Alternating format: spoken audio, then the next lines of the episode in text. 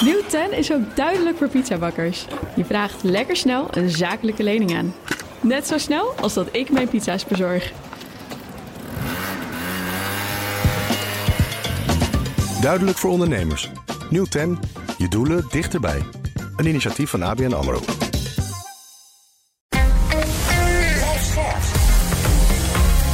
BNR Nieuwsradio. The Big Five. Van Liemt. De rente is aan het stijgen. Dat zal de komende maanden waarschijnlijk doorzetten. Centrale banken gaan de belangrijkste rentetarieven stapsgewijs verhogen en het massaal opkopen van schulden verminderen. Om daarmee de torenhoge inflatie te beteugelen.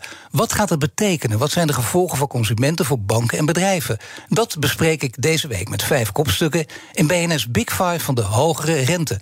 Vandaag bij mij te gast Marisa Lodewijks. Sinds 1 september 2021 algemeen directeur van Engage. En daarmee is ze de eerste vrouwelijke directeur van de grootste franchise-organisatie in hypotheekadvies van Nederland. Marisa Lodewijks. Nou, dat is uh, een hele mond vol, hele mooie positie. Natuurlijk ook, ook een verantwoordelijke positie. Daar gaan we het zeker over hebben. Van harte welkom. Dankjewel, Paul. Nou ja, we, inderdaad, Marisa en Paul, we gaan elkaar tutoyeren. Dat stond jou ook op, je hebt er geen zin in, mevrouw Lodewijks. Misschien schiet ik er af en toe in, maar ik blijf het toch proberen. Uh, we beginnen met uh, de laatste stand van zaken over de woningmarkt zometeen. Maar natuurlijk wil ik eerst twee dingen van je weten. Voor degenen die Engage niet kennen, want de naam bestaat uh, nog niet zo lang. Het heette CMIS Franchise, dat was een beetje een een, een beroerde naam zou je misschien kunnen ja. zeggen. nou ja, goed. Het is een uh, naam die uh, wat langer bekend is in de Nederlandse markt. Maar Engage is een nieuw begin en kleine correctie. Ik ben algemeen directeur van Engage Franchise. En Engage ja, is natuurlijk het platform nee. waar, uh, waar we andere onderdelen ook nog hebben. Waar nee, maar we gaan er niet steeds uit. Alleen maar Engage. Engage Franchise, ja, prima. Maar toch wel, nee, natuurlijk. In de markt was die andere naam bekend. Uh, CMIS Franchise. Maar Engage ga ik nu even toch zonder franchise steeds noemen. Maar Engage is gewoon een naam. Dus die dynamiek achter. Het hele reclamebureau zeker, zat erachter. Zeker. Daar hebben we met z'n allen flink op gestudeerd. In staat eigenlijk voor investment. Engage voor mortgage. Nou ja, het, in de samenhang ook nog met Engage. Dus uh, vandaar. Wat doen jullie precies? Wat doen wij precies? Als Engage Franchise, want ik moet toch echt wel het onderscheid maken, Paul. Doen wij, uh, faciliteren wij franchise-nemers, zijn wij franchisegevers van de grootste uh, franchise-organisaties in Nederland. We hebben ruim 270 vestigingen. En de labels die bij de luisteraar wellicht bekend zijn, zijn Hypokeur, Huizenhypotheek en vooral natuurlijk de hypotheekshop. Ja, die zijn zeker bekend. Ja. Eerst advies gratis.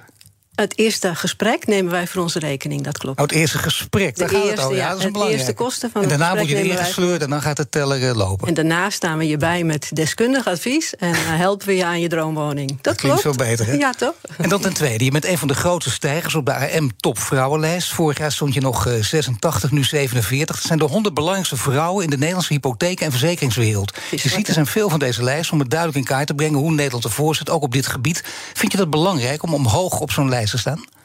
Um, ik vind het heel eervol om op die lijst te staan. En ik vind het natuurlijk, als je er eenmaal op staat, wil je ook stijgen. Dat zal ik niet ontkennen.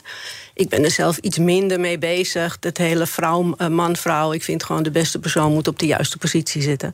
Waarbij ik wel de duidelijke voorkeur heb. Als we een team hebben met overwegend mannen, dan vind ik wel dat een vrouw bij gelijke kwaliteiten moet toetreden. Maar ik geloof dat, dat, dat, je zelf wel functioneert in een mannenbolwerk. Ja, en, en dus als vrouw ben je duidelijk ja. daar de beste. Ja, ja? ja, en je zegt ook op die. ja, nou, dat is tenminste duidelijk. Ja, ja. En op die lijst wil je ook stijgen. Dat vind ik altijd mooi. Want ja, hoe zit de lijst in elkaar? Dan, dat kun je wel willen, maar dan heb je het idee dat je er zelf invloed op hebt. Dat je er wat aan kan doen. Ja, en dat heb je bij deze lijst, denk ik niet. Het is nee. uh, een samenhang van uh, uh, activiteiten die je het hele jaar door, door, doormaakt met elkaar. En ik kan me zomaar voorstellen dat het optreden hier ook gaat helpen.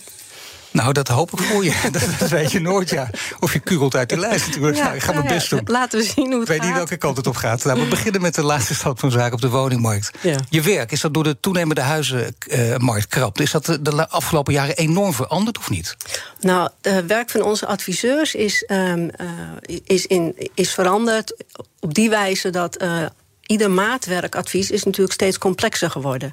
De mensen hebben minder uh, makkelijk toegankelijk of hebben minder uh, toegang tot de woningmarkt, um, waardoor ze natuurlijk een wat langere zoektocht hebben. Uh, uiteindelijk zijn alle adviezen steeds complexer geworden en dat is wat, wat wij natuurlijk doen. De mensen bijstaan met adviezen omtrent hun hypotheek. Maar daar valt het, uh, het toverwoord complex. Bijna Ja. iedereen waar je mee praat, in leidinggevende functies, net als jij, die zegt: voor elk probleem waar je voor staat, is de wereld complex geworden. Ja, Zo complex dat je eigenlijk geen antwoord bijna meer lijkt te hebben op vragen, omdat je steeds moet zeggen en bijna vluchten in: het is te complex. Wat vind jij ervan? Nou, daar kijk ik toch iets anders tegenaan. Onze adviseurs zijn heel goed in staat om de mensen te helpen. Alleen, ja, je moet wat, je moet wat meer zoeken. Je moet wat meer... Um, wij hebben natuurlijk de hele markt tot onze beschikking. Hè. Er zijn meer dan 40 geldverstrekkers in Nederland. Die kunnen wij allemaal aanbieden. Dus er is altijd wel een geldverstrekker die wel een oplossing heeft. Dus um, tot nog toe is iedereen die bij ons binnenkomt... daar vinden we wel een oplossing voor. Dat is heel bijzonder, want uh, je ziet dat er steeds nieuwe ontwikkelingen komen. Dat maakt het voor adviseurs ook niet makkelijker natuurlijk, hè, over nee. complex gesproken. Bijvoorbeeld, daar gaan we straks uitgebreider op in, maar even uh, als, uh, voorschotje. Kijk naar dat rapport dat is uitgekomen van de bankeconomen en een paar andere prominente deskundigen, waaronder ook weer veel economen. Die zeggen de woningmarkt moet op de schop, de huizenbezitter moet meer belasting gaan betalen een beetje in de techniek hè, van, van box 1 naar box 3. Dus niet meer uh, huizenbezitters uh, als arbeid kunnen aftrekken of als werk, maar als vermogen. Ja. En daarnaast ook die starten helpen. En hoe doe je dat? Door, dat is hun plan. Zorgen dat starters hun pensioengeld nu al mogen inzetten bij de aankoop van het huis. Ja. Zijn dat allemaal echt goede plannen die jullie ook verder helpen? Nou, ik heb het hele rapport nog niet helemaal kunnen doorworstelen. Nee, want natuurlijk gisteren is het, uh, is het zeg maar naar buiten gekomen. Het is een worsteling, ja. Ja, het is. kijk, het, het luchtballonnetje de woning van box uh, 1 naar box 3 is natuurlijk niet nieuw. Hè? Die is al eerder uh, voorbij gekomen. En daar zijn wij um, eigenlijk helemaal geen um, tegenstander voor, van. Uh, ik denk dat het voor de klanten alleen maar prettiger is als ze uit dat hele strakke keurslijf van die fiscaliteit kan, kan ont, zich kan onttrekken. Waardoor er meer maatwerk mogelijk is. Waardoor je veel meer producten kunt ontwikkelen als branche die zeg maar levensloopbestendig zijn voor ze. Nee, je hebt gelijk dat het niet helemaal nieuw is. Wel nieuw is ja. dat, uh, laten we zeggen, over de volle breedte nu uh, verschillende banken en ook verschillende prominente economen daar eensluidend over denken. Ja, nou ja, nogmaals, wij juichen dat misschien wel toe. Haal het maar uit die box 1, breng het maar naar box 3. Want ja, nogmaals, hoe complexer het advies, wij lopen daar niet voor weg. Maar ik denk dat, dat het meer kansen biedt. Voor en dat plan van de starters, hoe zit het daarmee dan? Ja, voor de starters is het natuurlijk best lastig. De hele woningmarkt is natuurlijk op dit moment lastig. Um, hoewel we toch, als we terugkijken in de tijd... nog steeds starters doen. Hè. We zien helemaal niet een enorme afname aan het aantal starters... als je terugkijkt uh, naar tot en met 2018. Uh, wij bekijken dat vanuit onze deskundigheid... Uh, aan de hand van de HDN-aanvragen, het hypotheekdatanetwerk. Dus wij kunnen zien dat starten nog steeds stabiel eigenlijk is... ten opzichte van die tijd. Alleen, ja, je moet wel wat meer eigen geld meebrengen... en je moet wat creatief zijn in je oplossingen. Nou ja, maar daar gaat het over. Hè? Want ja. dat, dat, dat eerste is natuurlijk niet zo creatief. Meer eigen geld uh, meebrengen. Nee. Ja, dat kan op verschillende manieren. Vaak ja. komt het ook omdat je het geluk hebt dat je ouders uh, bereid zijn om jou wat geld mee te geven. Ja, inderdaad. Ja, dat klopt. Of dat je hoog opgeleid bent en nog een goede baan hebt, een goed inkomen hebt. Die zijn er natuurlijk ook nog steeds. Maar uh, nee, ja, het, het, is allemaal wat complexer. Maar we zien ook eigenlijk de laatste tijd dat er wel weer wat starters, en dat is vooral in de grote steden, toetreden. Uh, ik denk dat dat ermee te maken heeft dat misschien de wat kleinere beleggers zich wat terugtrekt. Uh, door die eigen bewoningsplicht ook. Dus ja. we zien daar ook wel weer een. Toch wel weer een kleine toename. Maar het is nog zeker geen oplossing voor het probleem. Maar toch even, of zoals jij ze noemt, dan de creatieve starters... die op een of andere manier geld bij elkaar hebben weten te sprokkelen. Dan gaan we even ervan uit dat het niet via de ouders is gegaan. Dan kun je kijken naar, uh, naar de rentestijging. Een stel met twee modale jaarinkomens... die kan zo'n 22.000 euro minder gaan lenen. Door die stijging van grofweg 1,80% naar 3,30%. Ja. Dan moet je inderdaad wel heel creatief zijn. Wil je gewoon als starter nog een kans maken. Ja, ja, dat ben ik helemaal met je eens. Of je moet met iets minder genoegen nemen. Wat je ook ziet is dat ze misschien de, de, de loop looptijd van de rente naar beneden toe bijstellen. Hè. Dat gaat ook de rente weer met uh, wat, wat tiende punten naar beneden. Dus uh, ja, ik zeg niet dat het makkelijk is, maar er zijn nog steeds wel oplossingen. En dan naast de starters heb je nog een andere groep, de wat ouderen. En die kijken ook uh, met argusogen natuurlijk naar wat uh, deze economen voorstellen in hun plan. Onder andere de hypotheekrenteaftrek afbouwen tot 2030 en daar ben je er vanaf. Ja. Nou, er zijn die mensen die gaan rekenen, wacht even, die leeftijd heb ik straks ook geen leaseauto meer en noem maar op. Als je in die categorie zit, dan wordt het wel lastig. Ja, ja, nou, volgens mij willen ze het ook inderdaad in etappes doen... Hè, om mensen niet in de problemen te laten komen. Maar um, ja, op het moment dat dat op die manier gaan doorvoeren... is volgens mij ook het idee dat je wat minder inkomen... of wat minder belasting gaat betalen over je inkomen... en over je pensioen. Dus dat zou dan elkaar moeten opheffen. Maar ja. nogmaals, ik ken die plannen niet helemaal tot in de diepte, hoor. Ik heb ze nog niet helemaal bestudeerd. Nee, maar ik kan maar zeggen, dat is wel, ja. dat zijn wel plannen die jullie allemaal... althans jullie adviseurs allemaal zwaar moeten gaan bestuderen. Zeker, zeker. Die moeten ze helemaal ja. door het hele plan heen lezen. Maar dat gebeurt sowieso, want ze zijn natuurlijk gebonden... aan allerlei wet en regelgeving en allerlei permanente educatie. Dus uh, daar maak ik me geen zorgen over. Mijn gasten stellen elkaar vragen via de kettingvraag. Jij mag straks ook, hè, dat doen, wachten we nog even mee een vraag stellen. Maar in de vorige aflevering was hier de directeur van het Centraal Planbureau, Pieter Hazekamp. En die had deze vraag voor je. Ja, we hebben het net natuurlijk al gehad over, de, over die huizenmarkt, die nog steeds uh, oververhit is. Uh, de rentestijging, hypotheekrentestijging kan voor enige afkoeling zorgen. Mijn vraag zou zijn: wat zou er nog meer moeten gebeuren om die huizenmarkt uh, zeg maar in een gezonde situatie uh, te krijgen? Moeten we dan vooral kijken, zoals de Nederlandse Bank en de Europese Commissie hebben geadviseerd, naar de vraagkant? Hè, dus het afbouwen, verder afbouwen van fiscale stimulansen, of zijn er andere dingen nodig? Ja, andere dingen of vooral fiscale stimulansen afbouwen? Um, ik denk dat we er ook naartoe moeten dat er meer gebouwd moet worden. Uh, het is natuurlijk een open deur, maar dat is denk ik wel een van de belangrijkste zaken die ook ervoor kan zorgen dat die woningmarkt uit het slop getrokken wordt. Um, en dat zou voor de korte termijn kunnen betekenen dat je wat meer flexwoningen gaat bouwen of wat meer woningen gaat uh, splitsen. Dat is natuurlijk allemaal een beetje korte termijn oplossing. Daarnaast denk ik, om het bouwen mogelijk te maken... Ja, zijn wij toch wel voorstander van dat we de regie... eigenlijk op één centrale plek neerleggen... en niet nog steeds verspreid over allerlei gemeentes en provincies. En waar moet die liggen? Ja, dat vind ik een hele lastige. Je zou denken bij de overheid, um, uh, waar dan ook. Ik denk dat het gewoon op één centrale plek. En waar is denk ik, ja, vind ik moeilijk om in te Nou, je wil stijgen op die lijst, op die top 100 en zo. Ja. Ik denk dat we het eind van het uur gaan we er wel achter komen waar die regie moet liggen. The Big Five. Paul van Liemt. Mijn gast is Marisa Lodewijks, algemeen directeur van Engage Franchise. Ja, geen correctie deze keer, hè? Nee, prima. Kijk even, nee, ja. nou kijk eens aan.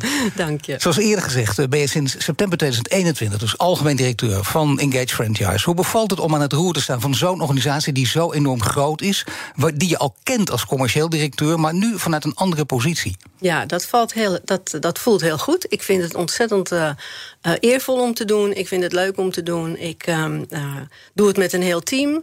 En ik doe het met veel plezier. En ik vind het belangrijk dat als Heel morgens... politiek correct Ja, nee, maar ik vind het heel belangrijk dat als ik s morgens opsta... dat ik uh, gewoon met plezier naar mijn werk ga. En als ik s'avonds weer ga slapen, dat ik het idee heb dat ik iets heb bijgedragen. Waarbij ik zeker niet vind dat altijd alles en iedere dag een, natuurlijk een, een tien is. Hè, want dat kan het. Nee, dat rapport nee. waar we net over hadden. Ja, ja, nee, moeten we ja, dat, dat soort dingen... Of ineens een stijgende rente zo vlak voor ook vakantieperiodes. De krapte bij ons, hè, voelen wij ook op de arbeidsmarkt... de krapte bij de adviseurs. Dus we hebben echt wel de nodige uitdaging met elkaar. Maar je hebt het wel over een bijdrage leveren. Maar waar zit die bijdrage in? Je bent een commerciële onderneming, daar is ja. niets mis mee. Dat je nee, als je dus winst wil maken, en ja. dat kan, dat mag, kun je gewoon duidelijk over zijn. Je kunt ook zeggen, we willen ook een maatschappelijke bijdrage leveren. Zeker. Want het hoort ook meer bij deze tijd. Nou, speelt dat voor jullie ook mee? Ja, dat speelt zeker voor ons ook mee. Een van de dingen waar we op dit moment mee bezig zijn... is in te spelen op de hele verandering, de, de hybride samenleving. Hè. We hebben de hybride mobiliteit, we hebben de hybride, het hybride werken... wat vanuit de corona periode natuurlijk een vlucht heeft genomen. Um, ja, en wij spelen daarop in, want wij vinden dat ook hybride advies daarbij hoort. Dus we zijn eigenlijk uh, staan aan de vooravond om een hybride model te lanceren. En dat betekent dat we geautomatiseerd een online adviesmodule gaan introduceren. Pardon zodat zeg. We, ja, zodat we naast ons uh, reguliere advieskanaal uh, echt die combinatie kunnen maken. Dat met name ook starters een heel groot deel zelf kunnen doen. Geadviseerd worden door de computer, maar nog wel de validatie halen bij een kantoor. Maar in dus welke, zin, welke zin helpt dat dan? Ik bedoel, kijk, dat je niet meer naar kantoren hoeft. Ja, banken lopen daar in zekere zin al op voor. Die nou, proberen het ook al zoveel mogelijk weg te stoppen. Dat ben ik met je eens. Alleen bij de banken krijg je natuurlijk een eenzijdig bankadvies. Hè? En bij het advieskanaal bij welke keten nou krijg je natuurlijk een onafhankelijk advies. En wij denken daarmee die drempel wat lager te maken. Maar wij denken ook daarmee een hele andere doelgroep aan te spreken. Een doelgroep die nu wellicht tussen het wal en het schip uh, valt. Misschien vlucht in execution only. Daar zijn wij zeker geen voorstander van. Waarom niet? Dus, uh, omdat wij vinden dat het advies belangrijk is. Je moet, het is natuurlijk een hele belangrijke beslissing die je neemt. En uh, het heeft gevolgen voor de rest van je leven. En dat het, we hebben het er net over gehad. Het is zeer complex. Dus die, die moet je niet zomaar met een paar klikken zeg maar, uh, middels een execution-only model, uh, model sluiten. Maar je hebt wel gelijk dat het inderdaad een hele grote drempel is. Als ik om me heen kijk, ook een beetje met starters praat... dat het voor veel starters een enorme drempel is om die stap te nemen. Ja. Want inderdaad, uh, het eerste advies is niet gratis, wel het eerste gesprek. Maar die hebben toch vaak het idee, en dat snap je ook, enige achterdocht... kunnen ze mij wel helpen? Het gaat me misschien daarna veel te veel geld kosten. Ik kan het toch beter zelf uitzoeken. Ben ik überhaupt te helpen? Ja, nou, ik denk dat of mensen te helpen zijn... en wat het allemaal gaat kosten, dat dat in het eerste eerste gesprek heel erg duidelijk wordt. Hè. Dus daar, daar, daar zijn geen verrassingen. Wanneer kun je tegen mensen ook zeggen, na één gesprek... Uh, sorry, maar jij bent hier op de verkeerde plek? Nou, als mensen bijvoorbeeld een hele hoge BKR-registratie hebben... of een heel on, onstabiel inkomen... of uh, ja, een adviseur kan vrij snel wel zien of iemand, zeg maar, of het haalbaar is of niet. Nou hebben veel starters inderdaad wel uh, bijvoorbeeld een bepaalde schuld. Bijvoorbeeld een studieschuld. Maar met name ook hebben starters inderdaad flexibele inkomens. En ja. dat, dat gaat ook vaak gepaard met de leeftijd. En daar ja. is weinig aan te doen. Dat heeft met de arbeidsmarkt ook te maken. Zeg je dan meteen, die starters maken ook weinig kans of geen kans? Nee, zeker niet. Wij hebben, het is leuk dat je dat zegt. Wij hebben een aantal jaren geleden de arbeidsmarktscan uh, ontwikkeld. Dat is eigenlijk specifiek bedoeld voor die, uh, met name flexwerkers die een onstabiel inkomen hebben. Um, wat we eigenlijk, wij zijn van mening dat die hele grote groep, die werd altijd beoordeeld op het inkomen van de afgelopen drie jaar. Nou, dat is, vinden wij niet terecht. Wij vinden dat je eigenlijk moet kijken naar wat zijn je carrièrekansen, wat zijn je toekomstmogelijkheden.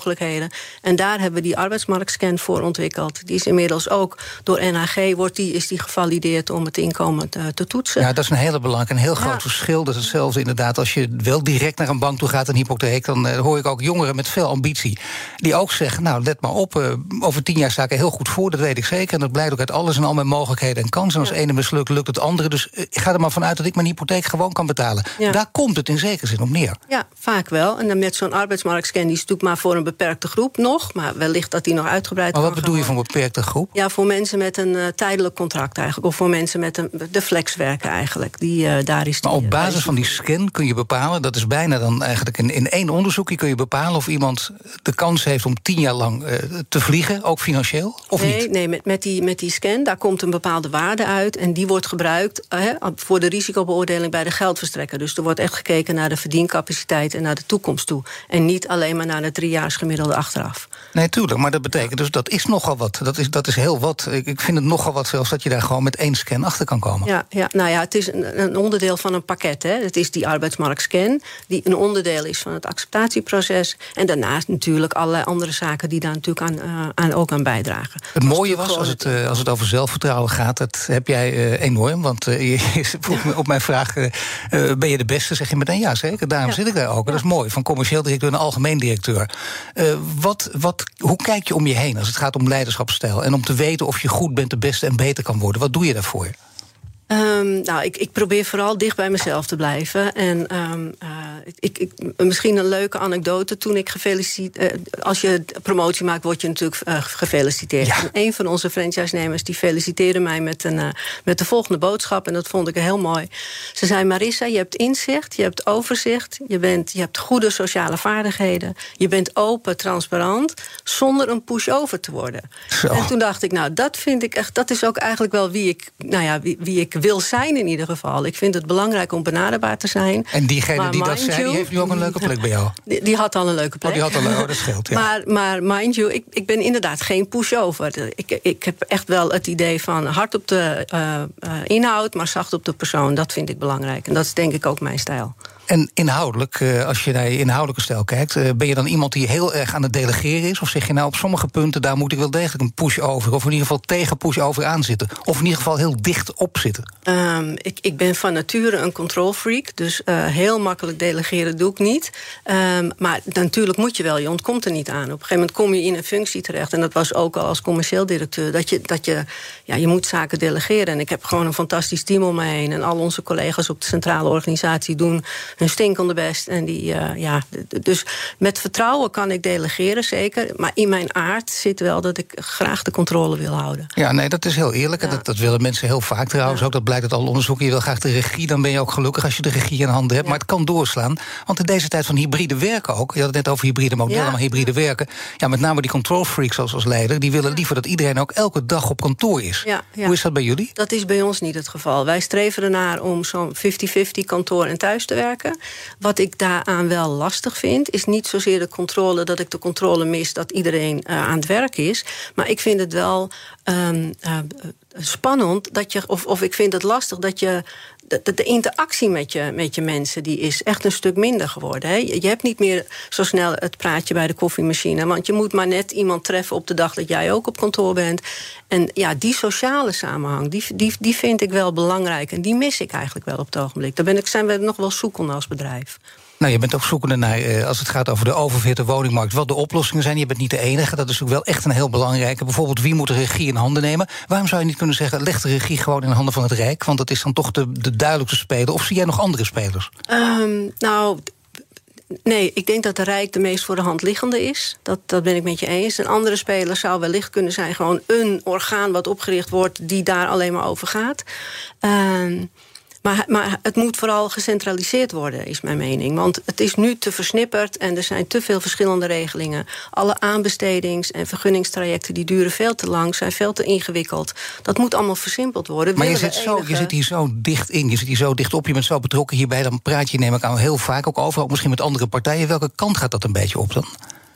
Nou, over die regie wordt eigenlijk meer gesproken richting het Rijk. Hè. Laat de Rijk het regie pakken. Um, alleen ja, ik, ik ik wil niet per se zeggen dat dat het meest ultieme Maar dat nieuwe orgaan, hebben jullie er al een naam voor? Of een idee of wie erin moeten zitten? Nee, zeker niet. Nee, Wie praat er ook over? Eh, praat je er wel over mee achter de schermen? Wij praten vanuit onze brancheorganisatie. De OVFD zitten natuurlijk aan tafel bij de ministers... en met allerlei platformen. En daar wordt, daar wordt over gesproken. Uh, maar nog niet zo concreet dat we daar al een, een, een een naam van een orgaan hebben, zeker niet. Het is meer, we, pleiten heel erg voor die centralisatie. Ja, nee, dat begrijp ik al. Jammer voor deze uitzending, alleen had ik graag uh, meegepikt. Ja, ja, Morgen is de president van de Nederlandse Bank, Klaas Knot, te gast. Abonneer je op onze podcast via je favoriete podcastkanaal... om geen aflevering te missen. Straks praat ik verder met Marisa Lodeweeks... algemeen directeur van Engage Franchise... over hogere rente. Blijf luisteren. Nieuw 10 is ook duidelijk voor pizzabakkers. Je vraagt lekker snel een zakelijke lening aan. Net zo snel als dat ik mijn pizza's bezorg. Duidelijk voor ondernemers. Nieuw 10. Je doelen dichterbij. Een initiatief van ABN AMRO. Je hebt aardig wat vermogen opgebouwd. En daar zit je dan. Met je ton op de bank. Wel een beetje saai, hè? Wil jij, als belegger, onderdeel zijn van het verleden of van de toekomst? Bridgefund is een slimme fintech die een brug slaat tussen de financiële behoeften van ondernemers en van beleggers. Dus wie belegt bij Bridgefund krijgt niet alleen een mooie vaste rente, maar brengt ook ondernemers in beweging. Echt waar. Met die ton kan je zoveel betere dingen doen. Bridgefund. Make money smile. BNR Nieuwsradio. The Big Five. Paul van Liemt. Welkom bij het tweede half uur. Deze week vijf kopstukken uit de wereld van de hogere rente. Morgen praat ik met president van de Nederlandse Bank Klaas Knot over de gevolgen van de verhoogde rente door de Europese Centrale Bank. De gast is Marisa Lodewijks, algemeen directeur van Engage Franchise. Komend half uur wil ik in ieder geval twee onderwerpen met je bespreken, namelijk de toekomst van Nederland woonland en de woningmarktproblemen tussen generaties. En laten we met dat, dat laatste beginnen. Want hoe kan Engage uh, inspelen op die vergrijzing? Is dat voor jullie ook mogelijk of ben je alleen maar een volger op dat gebied? Nou, wij komen natuurlijk um, enigszins achteraan hè, in de keten. Wij ja. adviseren uh, de, de, de, mensen met een woondroom en al dan niet senioren. Uh, maar wij willen zeker ons steentje bijdragen. En uh, dat doen we door middel van platform hypotheken, platform starters.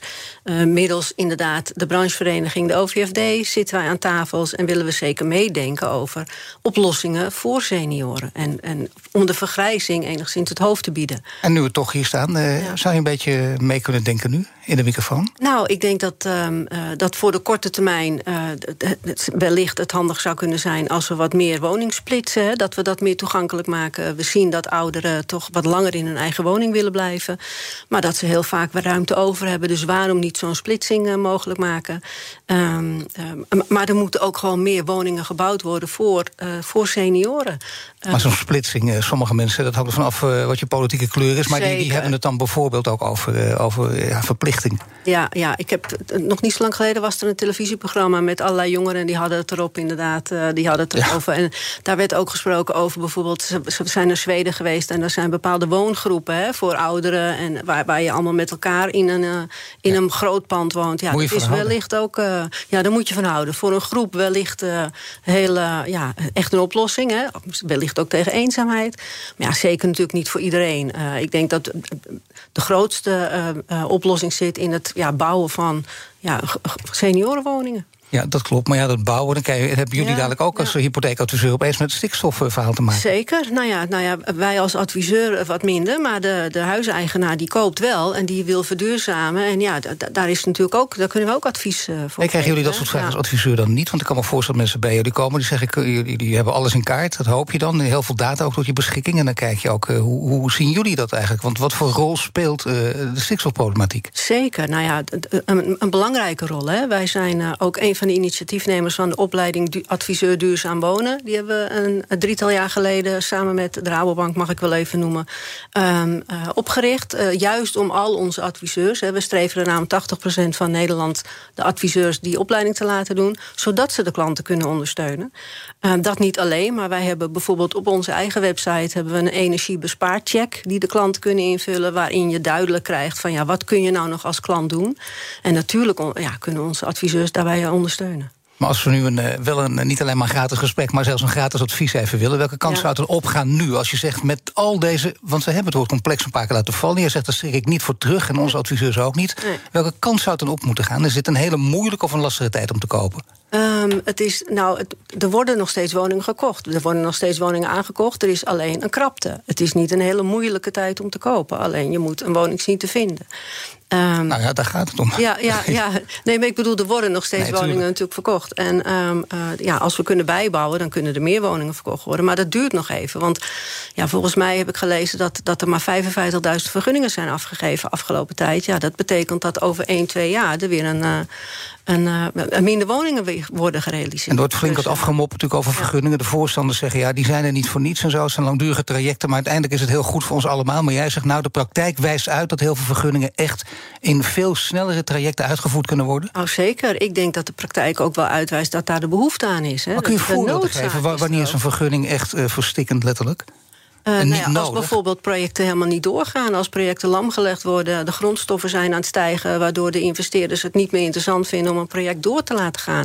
Dat zijn toch wel eh, zorgelijke, zorgelijke ontwikkelingen. Dat is heel zorgelijk, maar daarnaast zijn er misschien ook al vergunningen die al heel lang bestaan, die afgegeven worden en dat er naar omgeving wordt gekeken en, en, en nou ja, goed, inspraak van alles en iedereen. Maar zijn er ook vergunningen, als je die hele markt overziet, waarvan je zegt, nou, kijk er nou eens goed naar, dat weten de meeste mensen niet, maar die, die, die zou ik gewoon meteen eh, per direct afschaffen, of in ieder geval enorm versnellen. Nou, zo diep in het hele vergunningstelsel zit ik zeker niet. Hè. Nogmaals, wij zitten als adviesorgaan eh, aan het einde van de rit.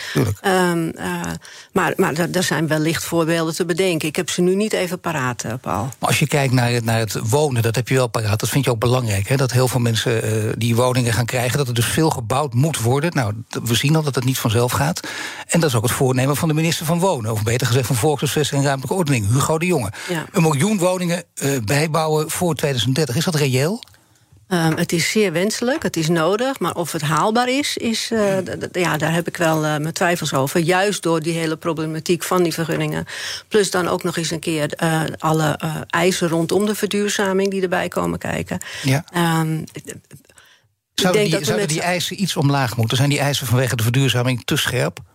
Op sommige trajecten denk ik wel, maar dat is natuurlijk een hele politieke discussie. Hè. We hebben natuurlijk de voorstanders van allerlei eh, eh, ja, de energietransitie, die we ook met z'n allen moeten, moeten doormaken voor 2030. En, eh, dus, dus het zijn nogal ambitieuze plannen. Dan hebben we nog niet gehad als het over vergrijzen gaat, over de doorstromen. Jij zegt al, dat zie je ook uit de cijfers, geloof ik, dat ouderen inderdaad het liefst toch hechten aan de woning waar ze in zitten. Daar liever niet uitgaan in deze tijd en dus inderdaad veel liever gaan verbouwen. Nou, deels wel, maar deels ook uit noodzaak, omdat er niet een logische vervolgstap te maken is. Ehm, ik denk dat er zeker een groep ouderen is die bereid zijn om te verhuizen als er een mooi appartement met enige ruimte nog voor een beetje buiten beschikbaar komt. Ja, en als die er ook niet zijn, ja, dan blijft men toch wel liever in zijn eigen vertrouwde omgeving. Nou zag ik wel een onderzoekje, dat vond ik wel interessant, dat wist ik helemaal niet. En daar kon je in zien hoeveel eh, vierkante meter ongeveer, werd een beetje de eurozone vergeleken. Hoe wonen mensen? Dat geloof ik, ik zeg het u even uit mijn hoofd, ik weet het niet precies, maar ik dacht dat de gemiddelde Nederlander 66 vierkante meter tot zijn of haar beschikking heeft. Duitsers hebben veel minder, eh, eh, buiten de eurozone zelfs de Britten ook minder, de Fransen ook veel minder tot hun beschikking. Is het handig om in die richting ook een beetje te duwen? Ehm, ik ken het onderzoek niet, maar ik vind het wel heel interessant dat je dat zegt. Want ik zou verwachten dat wij, eh, druk bevolkt Nederland, dat wij minder. Dat eh, dacht ik dus ook. Minder ruimte tot, ja, tot Ja. onze beschikking zouden hebben. Ehm, ja. Ik denk dat we daar eigenlijk vanzelf wel naartoe gaan. Als je steeds meer appartementen gaat bouwen, dan heb je gewoon minder woonoppervlak. Ehm, en, en ja, wil niet zeggen Nederland is vol, want dat klinkt natuurlijk heel erg raar. Maar er zijn niet heel veel gebieden meer zonder de natuur heel erg aan te tasten. waar we zomaar woonwijken uit de grond kunnen stampen. Nou, hebben we het over zullen de lucht in moeten. Jazeker, de lucht in moeten. Dat is dan toch een van de oplossingen die ook heel veel architecten natuurlijk aandragen. Ook, En dat zal moeten. En met name ook in de vier grote steden. Dat is, want dat zien jullie ook. En dat is ook belangrijk, denk ik, als je hypotheekadvies krijgt. dat jullie dat overzicht hebben. Daar gaat het, die kant gaat het sowieso op. Nou, um, dat, kijk, wij zitten natuurlijk niet alleen maar in de vier grote steden. Maar uh, ja, je, je kunt in de grote steden niet anders dan omhoog. Kijk, er zijn best nog plekken aan te wijzen in Nederland. Uh, een voorbeeld is binnen Utrecht zou een heel groot uh, nieuwbouwwijk uh, gerealiseerd worden van, ik dacht, 25 of 45.000 woningen. Ja, dat wordt eigenlijk tegengehouden door de gemeente daar, omdat er een windmolenpark komt. Ook belangrijk, maar ja, je kunt het niet allebei doen. Aan de andere kant, je zou ook kunnen bedenken... waarom niet een heel uh, energie-neutraal uh, nieuwe woonwijk uit de grond stampen... met allemaal zonnepanelen op het dak. Dan heb je wellicht allebei. Maar er zijn dus, dat wil ik ook even aangeven... die verschillende belangen in die verschillende gemeentes en provincie. Daar moeten we vanaf. Daar moet gewoon een centrale regie komen. Ja, en dan komt er nog iemand die zegt... ik heb heel erg plannen. Die heb ik bijvoorbeeld bij een van jullie adviseurs voorgelegd gekregen... en ook voorgelegd. En er is één ding nog onderbelicht gebleven. Namelijk, het is heel moeilijk bij al die woningen die gebouwd gaan worden... en de adviezen die je kunt geven. Ja, je hebt ook met personeel en grondstoftekorten te maken. Zeker. Dat is heel groot en ook niet zomaar opgelost. Nee, dat ben ik helemaal met je eens. En dat is een, uh, niet alleen in onze branche, maar dat is natuurlijk uh, ja, overal een, een uh, probleem. De krapte op de arbeidsmarkt, maar zeker ook een hele uitdaging... als we die hele energietransitie doorgaan met elkaar. Dus over complex gesproken. We hebben nu al ja. vijf of zes van die ja. elementen achter elkaar gezet... en er komt natuurlijk eentje bij, een hele grote, namelijk inderdaad die inflatie. Heel moeilijk, zelfs door de Centrale, Europese Centrale Bank... heel moeilijk te beteugelen. Wat betekent die inflatie nou precies voor de hypothecaire wereld? Nou, de inflatie, die verhoging van de inflatie um, uh, betekent eigenlijk voor de, als we hem helemaal plat slaan, zodra de kapitaalmarktrente omhoog gaat, gaat ook de hypotheekrente omhoog. Um, en dat brengt gewoon met zich mee dat, dat je minder kunt lenen. Daar komt het eigenlijk op neer. En als de lonen dan niet meestijgen, ja, dan gaat de klant dat natuurlijk ook echt merken in zijn maandlasten. Ja, en dan gaan die maandlasten echt behoorlijk omhoog ook. Ik bedoel, eh, kijk, maandlasten kunnen ook, dat is al veel... die kunnen ook met 0,5% omhoog gaan... maar dit kan ook uitlopen tot 10, 20, 30 procent. Um, nou, zo doorgerekend heb ik het nog niet. Maar het, um, kijk, het wordt natuurlijk enigszins nog steeds afgevlakt... door de renteaftrek. Um, maar maar het, kan, het kan natuurlijk gaan stijgen, zeker. Hoewel de hypotheekrente nog steeds eigenlijk historisch laag is. Hè. We zitten nu rond de 3,28, geloof ik, uit mijn hoofd 20 jaar vast. maar terwijl... dat zegt niks, hè, die historische, dat zie je wel... Dat kan behoorlijk snel gaan. Opeens wordt er aan knoppen gedraaid. Jawel, dat kan. Maar um, en heb ik het over historisch echt wel terug tot uh, ver, uh, he, ver verleden. Uh, toen ik ooit mijn eerste huis kocht, was de rente rond de 7 procent. Nou, en dan kan je vertellen, dat is echt al heel lang geleden. Ja. En in die tussentijd is die niet hoog geweest. Mag ik weten, nu je het toch over je eigen huis hebt, hoe je zelf woont? Ik woon in een mooi huis in Almere. En geen zin om, uh, en, ge, ja, en geen zin om te gaan verhuizen om door te stromen. En nee, geen, geen, reden ook om door te stromen. Nee, geen reden om door te stromen. Nee, nee, nee. nee. Nu, is, uh, nu zie je dat wel om je heen. En je praat er met mensen over. En ik denk dat ze jou misschien wel meer dan gemiddeld daarover lastigvallen. Dat kan ook. En dan denken ze, oh wacht, ze weten wat je functie is. Dan willen ze alles van je weten. En dan willen ze bijvoorbeeld ook weten. Ik, ik bijvoorbeeld zit in een positie dat je, dat je vanwege de vergrijzing waar we nu over hebben. Je bent wat ouder en je wilt doorstromen. Wat kan een hele goede reden zijn om tegen mensen te zeggen. Die zeggen, ik kan eigenlijk niets vinden. En dat jij zegt, ik kan, je kan jou een beetje creatief daarbij helpen. Je kunt wel degelijk een nieuwe woning zoeken. Wat moet je dan doen? Poeh, je hoort uh, overal doorstromen, je hoort het hier ook... en dat ja. zou eigenlijk wel kunnen, maar er is geen mogelijkheid. En nee. hoe kun je ze dan helpen om toch een nieuwe mogelijkheid te bieden? Nou ja, kijk, wij kunnen ze natuurlijk niet helpen aan nieuwe woonruimte. Hè. Wij, wij, zijn geen makelaar, wij zijn inderdaad een adviesorgaan. Ja. We kunnen ze wel helpen om te kijken hoe we met hun maandlasten om kunnen gaan. Waardoor ze wellicht wel wat meer bewegingsvrijheid hebben. Maar dat, dat creëert geen nieuwe woonruimte. Hebben, hebben mensen daar, want dat is inderdaad iets wat bijna altijd bij hypotheekadvies een grote rol speelt, die maandlasten. En dat vinden ze vervelend. Dat is bijna een soort inmenging, een hele grote inmenging in hun leven. Zijn mensen bereid om die maandla maandlasten aan te passen? In die zin dus dat ze wonen zo belangrijk vinden? Nou, um, uh, ervaring en onderzoek wijst juist uit dat Nederlanders um, heel goed een uh, hele goede betalingsmoraliteit hebben. Um, bijna geen achterstanden in hun hypotheek uh, maandlasten. Um, natuurlijk wil men graag zo min mogelijk daaraan uitgeven. Daarom zijn er denk ik ook de laatste jaren heel veel oversluitingen geweest. Ja, en ik zou ook iedereen willen oproepen: kijk ook naar je maandlasten. Wellicht is er nog iets mogelijk. Ga naar een adviseur. Maar nee, nee, niemand vindt vindt het natuurlijk leuk om hele hoge maandlasten te hebben. Nee, maar toch, als je Hoewel dit wonen zegt- wel belangrijk is voor Natuurlijk, maar als je zegt, die, die, dat is echt, wel een punt, hè, die belangrijke eh, betalingsmoraal. Ja. Dan doe ik een beetje, moet ik een beetje denken aan een, aan een nieuwe vorm van hypotheken, die toch ook weer een oude vorm is, die eh, een beetje naar boven komt, die ik zo meteen met jou wil bespreken. Kijken wat je daarvan vindt en of die weer nieuwe kansen gaat maken. Oké. Nieuw 10 is ook duidelijk voor pizzabakkers. Je vraagt lekker snel een zakelijke lening aan. Net zo snel als dat ik mijn pizza's bezorg. Duidelijk voor ondernemers. Nieuw 10. Je doelen dichterbij. Een initiatief van ABN AMRO. Je hebt aardig wat vermogen opgebouwd. En daar zit je dan, met je ton op de bank.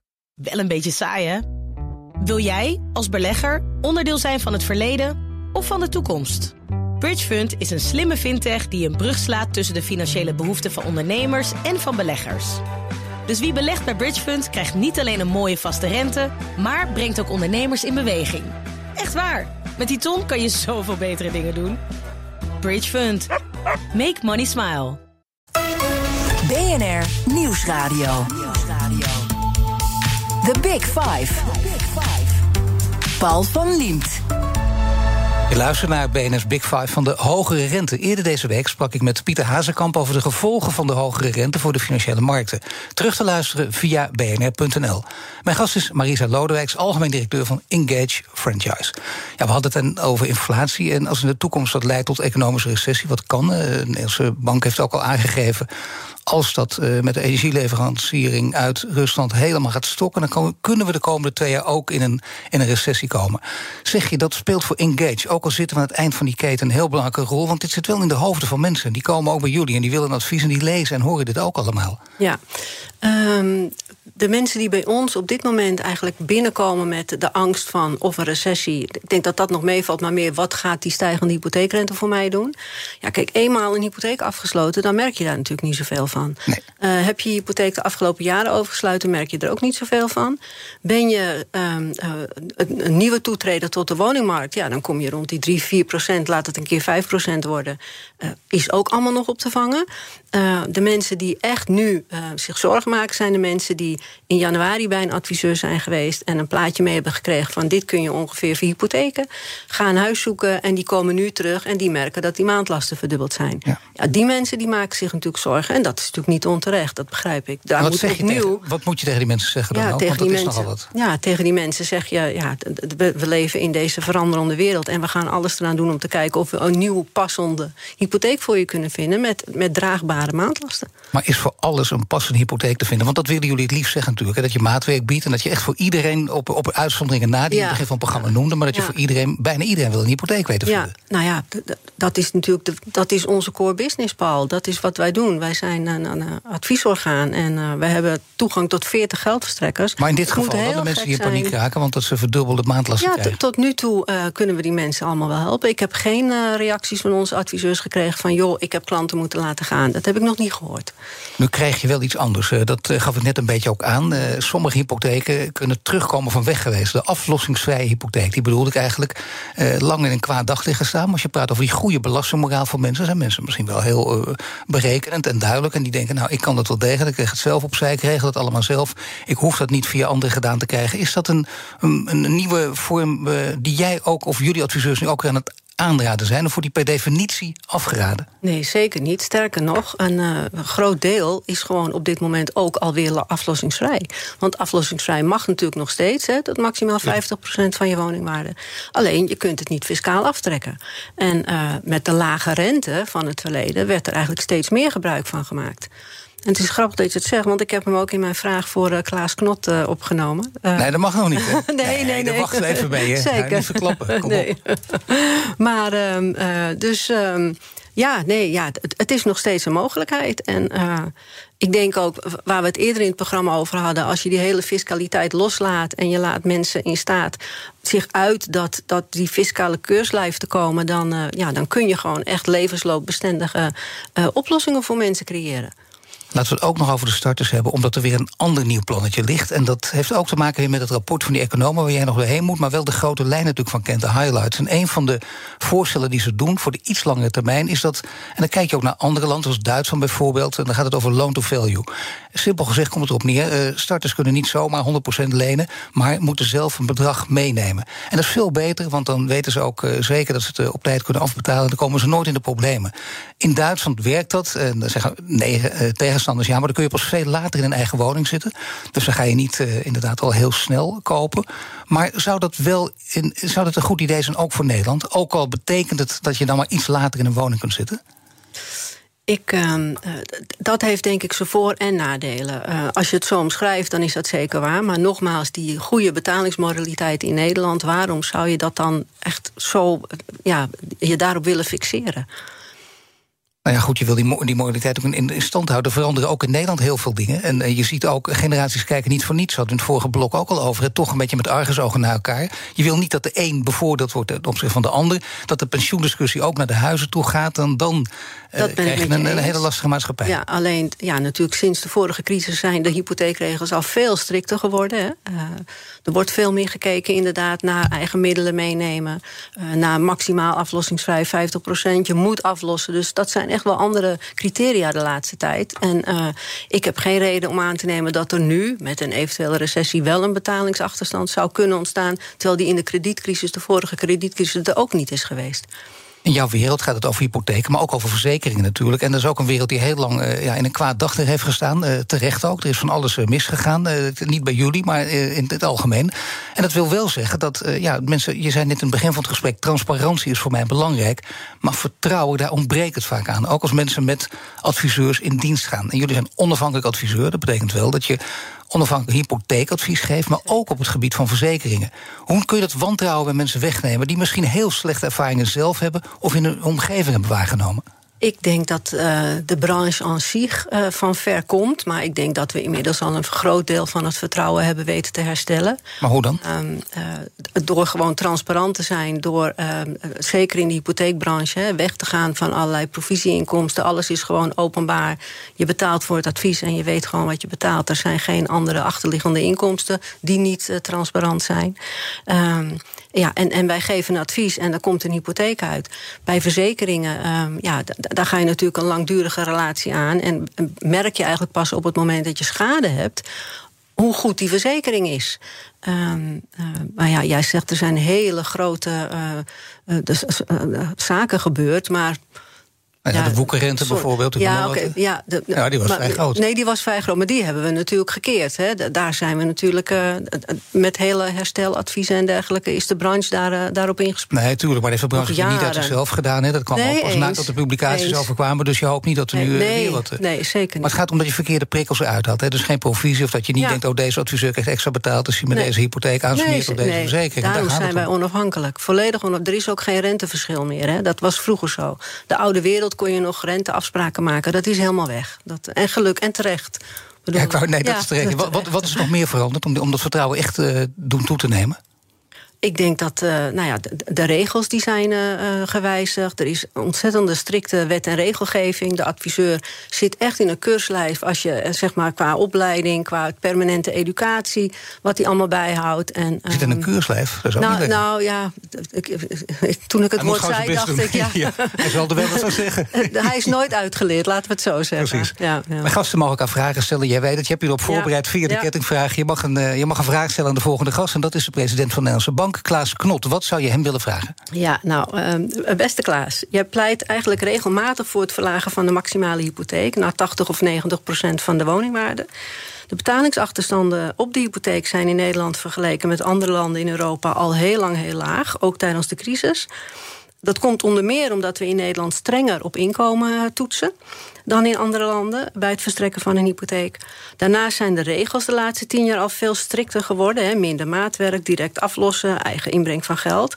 En in deze tijd, waarin de starters het al zo moeilijk hebben... wat is de reden om hier dan toch zo vurig voor te pleiten? Dankjewel, Marisa Lodewijks, algemeen directeur van Engage Franchise. Alle afleveringen van BNS Big Five zijn terug te luisteren. Abonneer je op onze podcast via onze app of je favoriete podcastkanaal om geen aflevering te missen. En nu Iwan Verrips met BNR Breed. Dag. Nieuw 10 is ook duidelijk voor pizzabakkers. Je vraagt lekker snel een zakelijke lening aan. Net zo snel als dat ik mijn pizza's bezorg. Duidelijk voor ondernemers. Nieuw 10 je doelen dichterbij. Een initiatief van ABN AMRO.